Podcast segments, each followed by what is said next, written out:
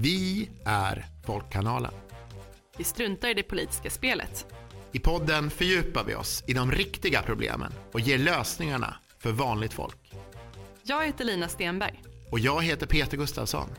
Och det här är en podd som handlar om de riktiga frågorna. De som spelar roll på riktigt för vanligt folk.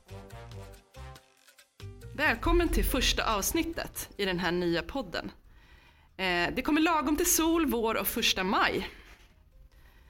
Vi kommer släppa avsnitt varje vecka och fördjupa oss i olika viktiga ämnen. Och det går inte att inte börja med att prata om krisen. Vi kommer att ha två avsnitt om det. Ett som sänds nu och ett som kommer ut om en vecka.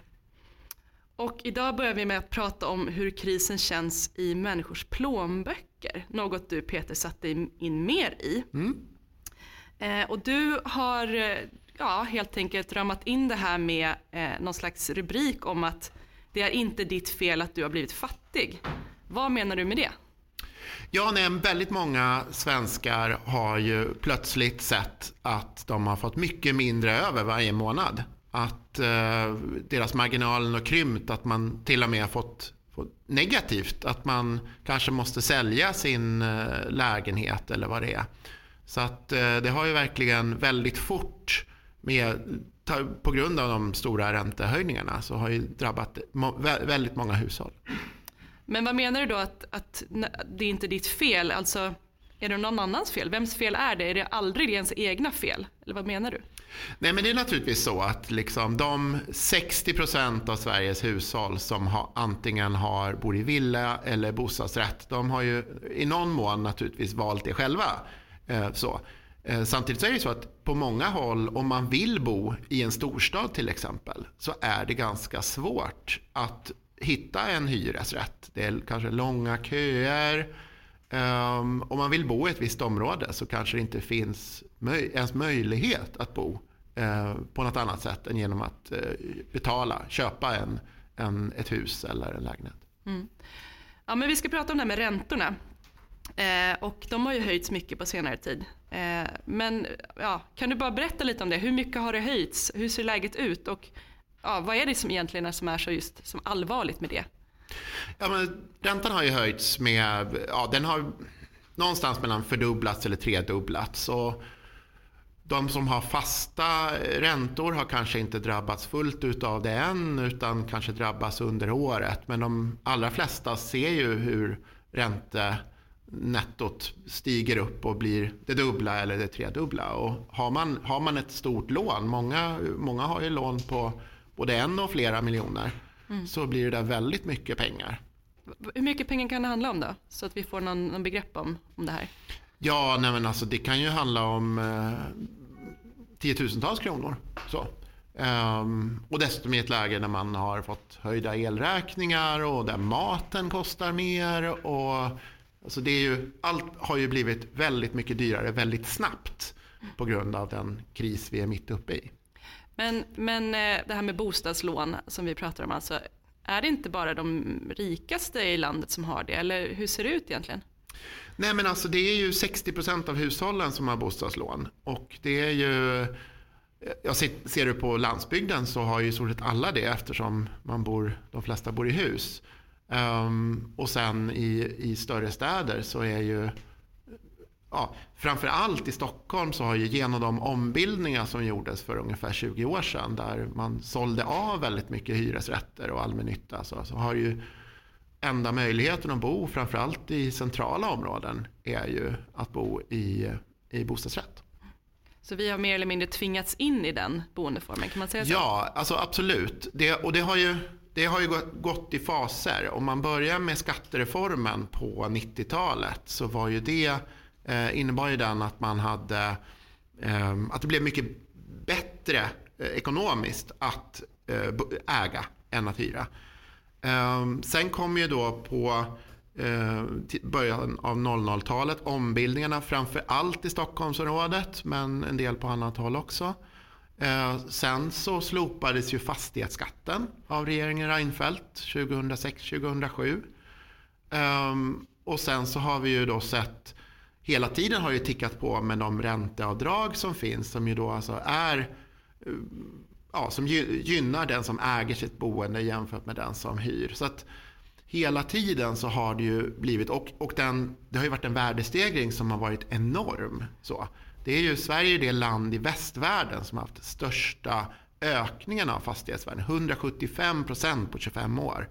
Så att folk har ju, många människor har ju blivit väldigt rika på det här. Och I viss mån kan man ju säga som du, som du är inne på, liksom, att det, det drabbar framförallt rika. Eh, det är klart att de som ägt under hela den här perioden, de har ju tjänat bra med pengar. Men de som kom in senare har ju inte fått del av den värdestegringen utan har ju bara ett enormt skuldberg. Eh, som gick bra att betala när räntan låg mellan 1 och 2 procent. Men när räntan ligger på 3, 4, kanske 5 procent är en helt annan grej. Mm. Men det här med skuldberget, eh, hur kommer det sig att vi har hamnat i den här situationen där, där Sverige liksom sticker ut i att ha en så stor belåning och vilka är det som är mest drabbade av den här situationen? De som är mest drabbade det är ju de som eh, tog lån sent. De som inte hade del av värdestegringen under liksom, flera decennier utan som klivit in på slutet. Vad, vad är eh, slutet då, bara för att förtydliga? Ja, men under 10-talet liksom. Mm. Så. Eh, värdestegringen har ju varit under hela perioden. Eh, priserna steg på på eh, 90-talet efter krisen. Sen gick de ner lite grann under IT-kraschen. Sen gick de upp och sen gick de ner under finanskrisen. Så det har ju varit lite upp och ner. Så beroende på, det är ju ett kasino liksom. När man steg in påverkar väldigt mycket. Um, ifall man har gynnats eller missgynnats. Uh, så de som sitter med höga lån har ju, är ju de som, som nu har, har svårast att, att bära, som har lån som en väldigt hög del av deras inkomst eller av, av liksom eh, värdet. Så jag menar om, om värdet på boendet faller med 20 procent, ja då kan man ju hamna i att man, om man säljer, faktiskt förlorar pengar. Eh, och det kan, ju, det kan ju svida väldigt hårt i privatekonomin. Mm. Jag eh, ska snart komma in på lite mer kring så här, politiken kring det här och, och, vad som håller på att hända. Men, men hur kan det här då, liksom, hur yttrar sig det här just nu? Alltså jag menar hur illa, hur illa är konsekvenserna för de som verkligen får det tuffast just nu? Ja, det, det leder ju till att en mycket större del av inkomsten går till eh, boendet. Att man inte har råd att göra det man kanske hade råd med tidigare. Mm. Och som du säger, alltså, eh, de som har stora marginaler, de som, de som har höga inkomster eller sitter på stora förmögenheter. Ja, där kanske det är ett mindre problem. Men du har många ganska normala eh, inkomster som i någon mån tvingats in i det här. Därför att politiken har styrt väldigt mycket mot det ägda boendet. Och då, då, då sitter man med, med, med små marginalen och, och då, då får man liksom ta ställning Klarar jag av att bo kvar? Måste jag flytta till något eh, billigare? Eller kan jag härda ut och hoppas att räntan fortsätter eller inte fortsätter stiga, att, att, liksom, att det kan vända igen. Mm. Det är ju den verkligheten som väldigt många sitter i nu. Jag tänker bara en parentes där, men det är ju samtidigt då så fortsätter matpriser och annat att öka. Så det är ju också flera delar i den ekvationen antar jag som spelar in att eh, har jag råd? Eh, men, men, ja, men bor man exempelvis då i säg Stockholm och eh, eh, man känner att nej, men det här har inte jag råd med, ja, vad, vad kan man göra? Mm. Alltså, vad, vad är liksom Precis, lösningen? och bor man på landsbygden så är ju elpriserna en stor faktor, om, framförallt om man har direktverkande el. Sådär. Mm. Nej men alltså, jag tror att många funderar just nu, kommer jag klara av att bo kvar? Mm. Och det som verkligen, menar, och det är, ju, det är det här som också OECD varnar för och andra IMF, eh, världsorganisationer som säger att det här skuldberget är ett hot mot Sveriges finansiella stabilitet. Mm. Alltså om många hushåll kommer fram till att jag kan inte bo kvar, jag måste sälja. Att du får liksom en våg av hushåll som, som säljer billigare. Eh, då kan du hamna i liksom en kedjeeffekt där bankerna plötsligt får problem med sin likviditet. Mm. Um, och det är väl det som är liksom den stora faran med den här skuldberget. Mm. Sverige har låga, eh, alltså Sverige som stat har låga skulder. Mm. Men svenskarna sitter med väldigt höga skulder. Mm. Så, så på ett sätt så här, både liksom, vad ska man säga, mer personliga katastrofer i att inte kunna bo kvar eller inte ha pengar så att man klarar sig. Men också den, liksom, det större, det samhälleliga i att eh, vad som händer på, ja, på riksnivå eh, när, om det här liksom blir värre. Eh, men, men vad har man då gjort för att försöka hålla nere den här skuldutvecklingen? Man har ju fattat ett antal beslut de senaste 10-15 åren. Man har först gjort det svårare för, för yngre att komma in eh, genom att man har en 15-procentig gräns.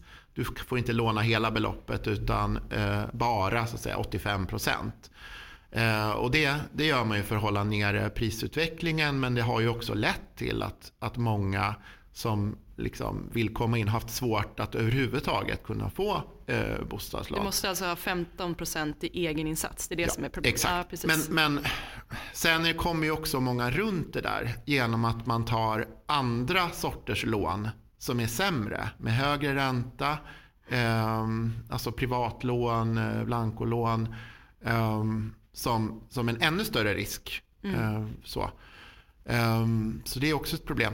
Och sen, det som man sen gjort är ju då att man infört amorteringskrav mm. i två omgångar eh, som tvingar hushållen. Vi har ju inte haft någon amorteringskultur i Sverige. Det är också en del av problemet. Att eh, man har suttit med de här lånen och, och liksom bara räknat med att eftersom fastighetsvärden alltid går upp så är det inget problem att jag har så högt lån. Mm. Eh, för det kommer ändå liksom minska automatiskt med, med prisstegringen. Men när prisstegringen uteblir, mm. då blir ju det där ett problem. Och, och, så att på det sättet så är det väl bra att svenskarna nu har liksom tvingats betala av under mm. ett antal år. Samtidigt kan man ju tycka att det är lite konstigt att vi har ett sånt liksom, tvångssparande. Men mm. ja, det är på något sätt liksom nödvändigt för att hålla tillbaka. Men det är också en konsekvens av att man har fattat en massa andra beslut som har gynnat det ägda boendet. Så att, mm. så att jag skulle väl hellre typ återinföra fastighetsskatten och låta folk välja om man vill amortera eller inte. Men mm.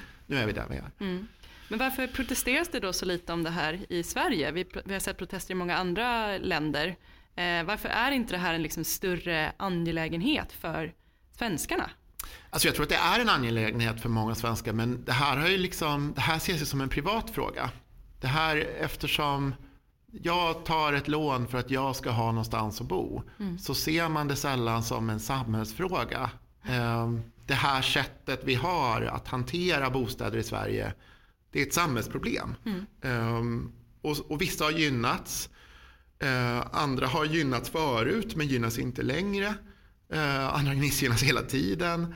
Eh, men, men alla så blir vi ju liksom fångar i det här systemet. Och, och, och jag skulle ju verkligen önska att bostads... Man ser vilken enorm betydelse bostäderna har för liksom, samhällsekonomin, privatekonomin, eh, samhället i stort. Jag menar, alltså mm. där du bor. Jag menar, bostäder var ju, var ju egentligen en jättestor fråga i valrörelsen. Liksom, att att liksom villkoren i Alltså de segregerade förorten och allt sånt där. Det är också en konsekvens av den bostadspolitik vi har fört. Att mm. liksom, vissa har gynnats, andra har missgynnats. Liksom. Eh, men vi, vi ser sällan det här som ett samhällsproblem. Eh, och det tror jag kan vara en anledning till att man inte liksom eh, protesterar. Mm. Men för samtidigt, och det måste man ju egentligen lägga till här, en förutsättning för att det är den här situationen är ju också att det är bostadsbrist i nästan alla kommuner i Sverige, nu kommer jag inte ihåg exakt andelen, eh, att folk också bor trångbott på ett helt annat sätt än, än vad vi har sett tidigare. Eh, och att eh, ja, men, hyresrätter är ju också eh, en, en, en, större utgift proportionellt sett eh, jämfört med tidigare i, i hyrorna. Alltså. Eh, så jag tänker att det här problemet i stort är ju att eh, ja, men bostäder kanske inte längre ses lika mycket som en mänsklig rättighet eh, som samhället ska ansvara för och tillgodose utan som du säger det läggs på de enskildas axlar och har man bra med resurser då löser man det. Liksom. Och det går kanske lite det går lite upp och ner, ibland är det lite mer man behöver lägga på det. Men, men för de med små resurser så är det ju här ja, en helt annan sak. Ja, det ägda boendet har ju varit gynnsamt under en väldigt lång tid. Alltså, vi hade ju en period mellan 1975 och 1990 då vi hade någon sorts balans på Sveriges bostadsmarknad efter miljonprogrammet. Det fanns lägenheter mm. så, att få tag i. Nu är det ju svårare och svårare att få tag i, i hyresrätt. Mm. Och, eh, men just, just här och nu så har ju faktiskt hyresrätten här kommer säkert en del lyssnare ha, ha synpunkter på. Men, men hyresrätten har ju eh, bara fått eh, ökade priser med 4-5% någonstans i de flesta hyresförhandlingar som har kommit. Mm, än så länge, ja. Ja, Precis. alltså mm. absolut. Nej, det är alltså, och, och, och, må, och, många som bor i hyresrätt är ju de som har all, de allra minsta marginalerna. Mm. Men det som vi sitter med just nu, det som kanske är det nya i det här, mm. är ju att många människor som kanske var vinnare på det här. Alltså. Man brukar prata om att oftast det är när medelklassen drabbas, det är då det blir revolutioner. Mm. Liksom. Ja, men liksom, eh, vissa som har varit vinnare av den här ekonomin sitter nu plötsligt och, och har eh, liksom double squeeze av liksom stigande eh, matpriser, stigande energipriser, stigande räntekostnader. Mm.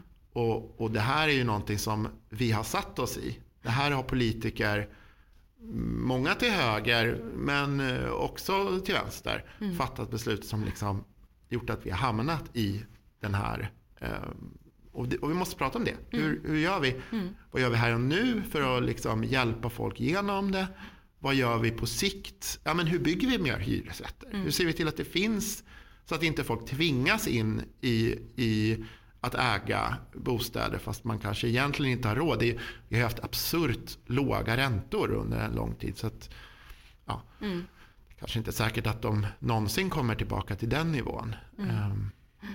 Ja, men bara för att liksom runda av då och kanske titta lite framåt. Eh, tror du att det här kommer bli någonting som vi ser protester om i Sverige?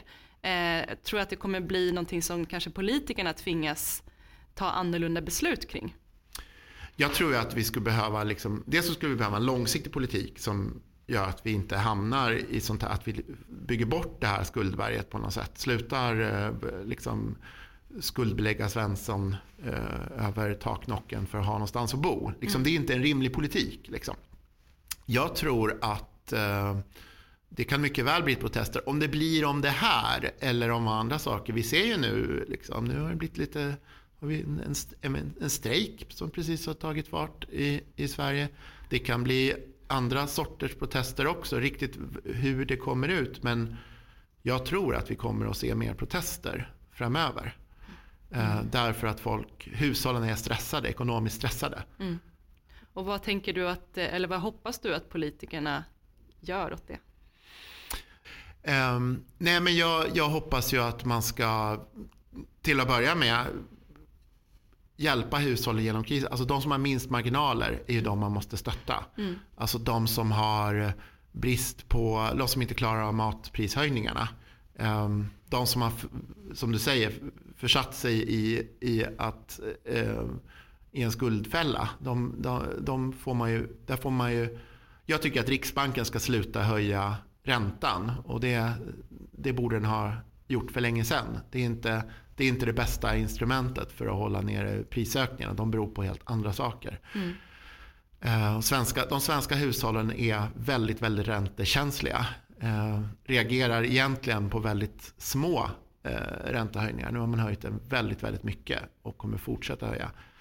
Eh, så att färre räntehöjningar, eh, mer stöd till eh, hushåll med låga marginaler. Ja. Mm. Det, det, finns mycket att göra. Mm. Eh, ja men tack så mycket för det. Vi, eh, vi rundar av där. Mm. Eh, nästa vecka kommer vi med ett nytt avsnitt. Också om krisen. Vi håller i det här lite längre. Ehm, men tills dess då Peter? Um, vad, vill vi att, vad vill vi att lyssnarna ska göra? Vi vill att lyssnarna såklart ska eh, följa oss i sociala medier. Eh, vi finns i de flesta sociala medier och vi finns där poddar finns. Vi vill att ni ska kommentera och gilla och dela och på annat sätt sprida att nu finns Folkkanalen. Kanalen som struntar i politiska spelet och fördjupar oss i de riktiga problemen och lö- ger lösningar för vanligt folk. Vi hörs nästa vecka. Tack för att ni lyssnade. Hej då.